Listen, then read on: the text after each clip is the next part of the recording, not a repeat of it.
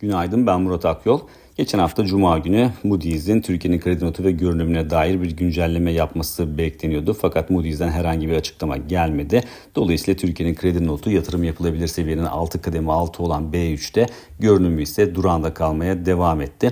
Tabii bu negatif bir gelişme olarak görülebilir ama son dönemde makroekonomik göstergelerin iyileşme eğilimi sergilediğini görüyoruz. Bunun yanında yabancı ilgisi de artmaya devam ediyor ve e, tüm bunların da zaten CDS primlerine yansımasını çok net bir şekilde piyasalarda görüyoruz görmek mümkün. Dolayısıyla Moody's'in güncelleme yapmaması şartları topyekun değiştirecek bir gelişme olarak görülmemeli. Zaten tarihsel olarak bakıldığında da e, kredi derecelendirme kuruluşlarının e, attığı adımların kimi zaman piyasaların gerisinde kalabildiğini de görüyoruz.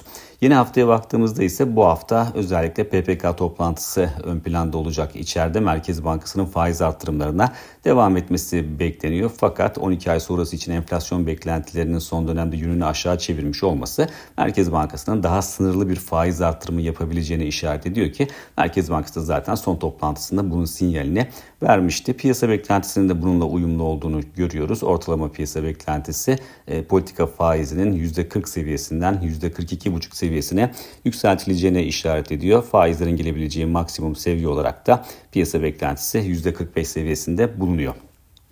Yurt dışına baktığımızda ise Amerika'da e, FED toplantısının ardından endekslerin oldukça iyimser bir eğilim sergilediğini ve haftayı da e, %3'e yakın kazanımlarla noktaladığını görmüştük. 2024 yılı tahminlerine baktığımızda Fed'in 75 bas puanlık e, faiz indirimi öngörmesi dikkat çekiyor.